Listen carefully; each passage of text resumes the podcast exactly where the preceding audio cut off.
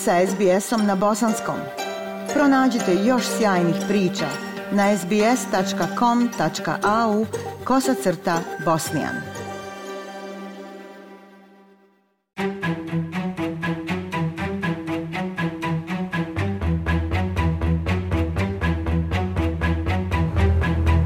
Slušate SBS program na bosanskom jeziku. U narednim minutama govorimo o čestom zdravstvenom stanju modernog čovjeka, sleep apnea.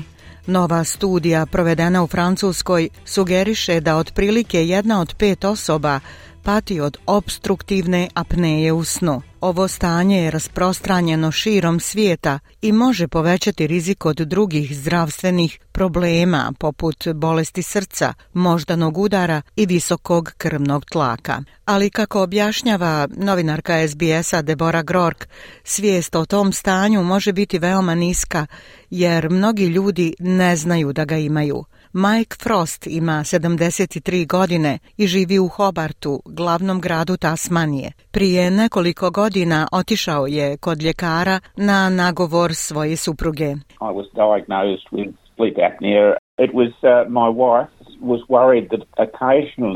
Diagnosticirana mi je um, slip apnija. Uh, Bila je to moja žena. Ona se brinula da ću povremeno prestati disati, tako da bih zaspao, ali bih u nekom momentu prestao disati. Vanredni profesor Darren Mansfield je iz organizacije Sleep Health Foundation. On kaže da se sleep apnija dešava kada naše tijelo ne radi baš kako bi trebalo.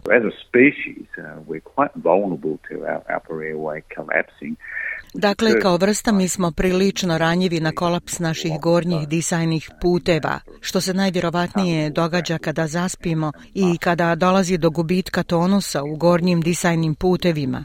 Jezik pada unatrag, a mišići koji okružuju gornje disajne puteve mogu uzrokovati da se nekako saviju i atrofiraju. Nedavno objavljena studija iz Francuske, zasnovana na nešto više od 20.000 testiranja odraslih, sugeriše da je apnija relativno česta, ali da je samo mali dio ljudi s tim stanjem dijagnosticiran i prima pomoć za to. Studija koju je vodila dr. Pauline Balanji sa Univerziteta paris sugeriše da bi jedna od pet osoba u Francuskoj mogla biti pogođena ovim stanjem. Dr. Mansfield kaže da su ti nalazi u skladu sa istraživanjima iz drugih zemalja.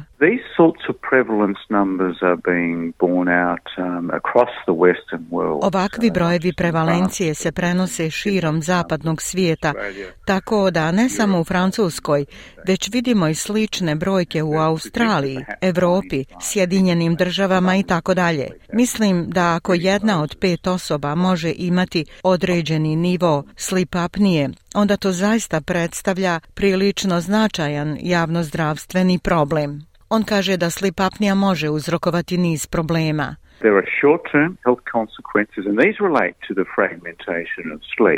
Postoje kratkoročne zdravstvene posljedice i one se odnose na fragmentaciju sna. Očekivali bismo da će se većina, ali možda ne svi, ljudi sa značajnom apnijom probuditi s osjećajem da se nisu vratili iz sna. Postoji umor tokom dana, e, a e, postoji pospanost. E, Zatim pogledajmo dugoročne posljedice. Postoji niz observacijskih studija koje povezuju umjerenu do tešku slip apniju sa kardiovaskularnim rizikom. Veza između slip apnije i moždanog udara vjerovatno je najjača.